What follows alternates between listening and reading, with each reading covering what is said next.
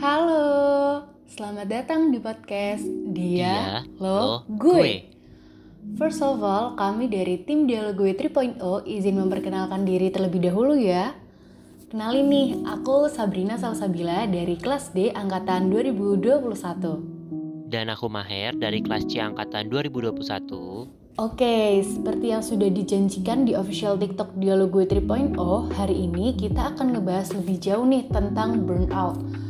It's by the way, udah pada nonton TikToknya kan? Kalau belum, langsung cus dulu aja ke official TikTok Dialog Gue 3.0. Langsung follow dan tungguin next konten dari kita ya. Bener banget tuh. Oke, kembali ke burnout. Apa sih definisi burnout yang sesungguhnya? Jadi, menurut Baron dan Greenberg tahun 1990, burnout adalah suatu sindrom kelelahan emosional, fisik, dan juga mental ditunjang oleh perasaan rendahnya self-esteem dan self-efficacy, disebabkan penderitaan stres yang intens dan berkepanjangan. Aku jamin nih, baik disadari maupun tidak disadari, kita semua pasti pernah merasakan burnout, baik lelah fisik, mental, dan juga emosional. Setiap orang juga punya faktor pemicu burnout yang berbeda-beda. Nah, menurut Baron dan Greenberg, pada tahun 1990, burnout itu ada karakteristiknya dan karakteristik dari burnout sendiri itu bisa diobservasi loh. Oke, karakteristik yang pertama adalah seseorang yang mengalami burnout akan terlihat lelah secara fisik. Mereka akan merasa lelah setiap waktu dan merasa tidak memiliki energi untuk melakukan sesuatu. Bahkan nih, beberapa ada yang mengalami keluhan fisik seperti mual, sakit kepala, kesulitan untuk tidur, dan juga nafsu makan yang berkurang. Yang kedua, mereka mengalami kelelahan secara emosional. Terkadang ada yang merasa depresi, perasaan tidak berdaya, hingga merasa terperangkap di dalam pekerjaannya. Yang ketiga, orang-orang yang menderita burnout ini sering menunjukkan kelelahan sikap atau mental, atau biasa disebut mental or attitudinal exhaustion. Mereka mulai bersikap sinis terhadap orang lain, bersikap negatif terhadap orang lain, dan cenderung merugikan diri sendiri, pekerjaan, organisasi, dan bahkan kehidupan pada umumnya. Basically, orang yang burnout itu akan merasa dunianya tuh menjadi kelabu, kayak lagunya tulus gitu, uh, langit abu-abu Terus juga uh, dunianya itu kayak serasa penuh dengan rasa 5L. Hah, 5L? Apa tuh 5L? Hah? Gak tau 5L? Yaudah deh aku kasih tahu jadi 5L itu lemah, letih, lesu, lelah, terus yang satu lagi hmm, letoy.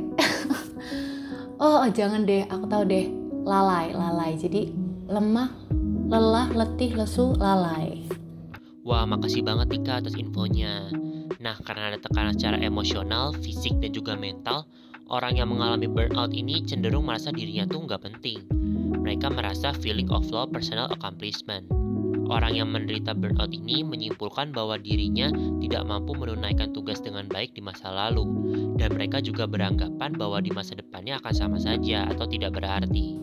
Ya benar banget kak, jadi kan tadi udah disinggung sedikit ya mengenai penyebab burnout yaitu stres yang intens dan berkepanjangan. Nah ternyata masih ada lagi loh penyebab yang lain. Nah penyebab burnout tuh luas banget. As you said before, pemicu burnout setiap orang tuh berbeda-beda tergantung dari orang tersebut menilai suatu permasalahan. Ada orang yang dapat masalah ketika dapat kelompok yang jadi beban. Ada juga orang yang menjadikan hal tersebut sebagai angin lalu. Namun, ada juga yang menjadikan hal tersebut sebagai stresor buat dirinya sendiri. By the way, stresor itu adalah pemicu stres ya. Nah kan kita juga tahu ya kalau di farmasi UNER ini kelompok itu dibagi berdasarkan NIM. Jadi jarang banget nih bisa milih sendiri. Kalau misalnya dapat uh, kelompok dengan orang-orang dengan rajin dan mau mengerjakan tugas dan aktif satu sama lain kan enak ya. Lah kalau misalnya yang slow respon males minta di carry terus apa nggak lelah kitanya? Menurutku hal tersebut bisa jadi pemicu burnout sih. Selain itu, burnout itu juga bisa disebabkan oleh persaingan lingkungan belajar yang sangat ketat, rasa percaya diri yang kurang, ditambah dengan tugas dan aktivitas kuliah yang padat banget gitu kan. Terus uh, juga bisa karena kelelahan akut akibat suatu penelitian yang tak kunjung usai. Nah kalau dilihat dari penyebab-penyebab burnout di atas kalian ada nggak sih yang pernah ngalamin burnout? Jujur aku pernah ngalamin burnout itu waktu awal masuk kuliah yaitu pas ospek. Nah itu kan merupakan peralihan dari SMA ke kuliah ya Dan kita masih beradaptasi nih dengan dunia kuliah. Namun kita tuh udah dikasih tugas yang banyak banget dan deadline-nya mepet. Sehingga aku tuh bingung mana yang harus dikerjain duluan Dan kira-kira bisa selesai nggak ya pas udah waktu pengumpulannya? Kalau aku sih kayak gitu ya. Kalau kamu gimana? Sama banget. Aku tuh juga pernah tahu ngalamin burnout apalagi di semester 2 ini Ya, soalnya kita semua tahu lah ya, cobaan yang kita hadapi di semester 2 ini kan bagaikan salju di kutub utara gitu kan. Uh, alias banyak banget. Terus aku tuh biasanya kalau lagi ngalamin burnout itu waktu di deket-deket mau ujian gitu kayak UTS, UAS, atau ujian blok juga. Terus ya rasanya kalau lagi burnout itu kayak capek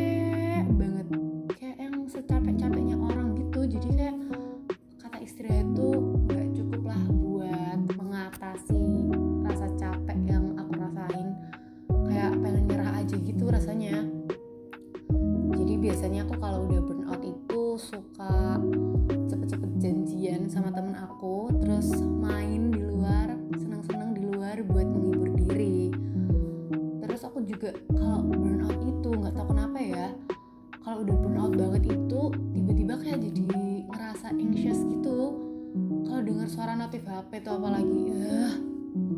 Hah? Anxious? Anxious itu apa sih? Jadi menurut Mevit dan kawan-kawan pada tahun 2005 Kecemasan adalah suatu keadaan aprehensi atau keadaan khawatir yang mengeluhkan bahwa sesuatu yang buruk akan segera terjadi. Kecemasan juga respon terhadap ancaman, tetapi kecemasan itu bisa menjadi abnormal bila tingkatannya tidak sesuai dengan proporsi ancaman. Atau bisa dibilang kayak datang tanpa ada penyebabnya gitu. Oh, jadi anxious itu semacam kecemasan atau rasa cemas gitu ya? By the way, emang kenapa kok bisa dengar suara notif HP aja bisa jadi cemas? Nah, itu. Aku tuh ya kalau udah capek banget sama semuanya. Apalagi tentang kuliah tugas-tugas kuliah. Belum lagi masih ada tugas kepanitiaan tugas organisasi. Aku tuh jadi ngerasa cemas dan gak tenang banget kalau denger notif HP rasanya kayak apa sih ini notif bunyi-bunyi terus? Ada tugas baru kah ada sesuatu yang harus aku kerjain dengan cepet kah ada apa sih? Gitu loh. Soalnya tiap kali aku ngerasa burnout itu rasanya tuh aku nggak pengen lah digangguin sama apa pun yang menjadi penyebab burnout aku. Jadi kalau banyak notif HP gitu rasanya ya ganggu dan bikin cemas banget deh. Terus akhirnya adalah suatu momen yang bikin aku ini sadar. Ternyata aku kalau lagi burnout itu juga bisa menjadi anxious Ya kayaknya nggak semua orang juga sih ngerasain hal ini, tapi personally aku merasakan. Nah, kalian ada yang merasa gitu juga nggak sih? Jujur sekarang aku tuh penasaran, maksudnya pengen tahu gitu. Ada nggak sih cara untuk mengatasi burnout? Nah, karena aku kepo juga, jadi mendingan kita cari tahu berdua nggak sih? Untuk anak perkuliahan seperti kita ini, kebanyakan burnout tuh pasti gara-gara tugas. Jadi bisa kita cegah rasa burnout gara-gara tugas dengan mengatur waktu sedemikian rupa supaya tugas itu tidak menjadi beban buat kita. Tapi kalau misalnya tugasnya banyak gimana? Nah, kita tuh harus pintar-pintar buat cari circle pertemanan yang baik di dunia perkuliahan. Kalian bisa belajar bareng buat ngerjain tugas supaya nggak merasa terlalu berat. Berat sama dipikul, ringan sama dijinjing. Kalau misalnya nih yang disarankan di atas tidak berefek, mungkin bisa dengan cara healing. Kalau diri kita udah merasa ada tanda-tanda burnout, bisa rehat sejenak dan jangan terlalu banyak mikir. Misalnya kita bisa jalan-jalan ke TP atau makan street food di jalan tunjungan atau kamu cari aja hal yang membuat dirimu senang sehingga rasa burnout itu secara alami hilang tanpa kamu sadari. Setelah mengalami burnout, kebanyakan merasa dirinya tuh nggak penting. Aku tahu bakal sulit untuk menghilangkan persepsi ini dari diri kita sendiri. Aku mau kasih reminder aja, di dunia ini nggak ada yang nggak penting. Kamu itu penting dan berharga. Semangati diri kalian sendiri dengan motivasi. Ingat motivasi dari orang tua, kerabat, teman, dan yang sekiranya bisa make you feel semangat dan menghilangkan rasa bahwa kamu tuh nggak penting. Semua orang tuh punya posisinya masing-masing. Ada satu lagi yang mau aku saranin. Mungkin kalian bisa buat skala prioritas nih dalam melakukan sesuatu, supaya nggak terlalu membebani pikiran kalian. Nah, kayaknya obrolan kita mengenai burnout sampai di sini dulu deh, Kak. Aku juga berharap sama teman-teman semua yang mendengarkan podcast ini semoga kalian ada yang merasa terbantu ya, paling enggak ya satu dua orang gitu loh. Kami dari tim Dialog Gue 3.0 pamit undur diri. We will see you guys next time. Bye. Bye.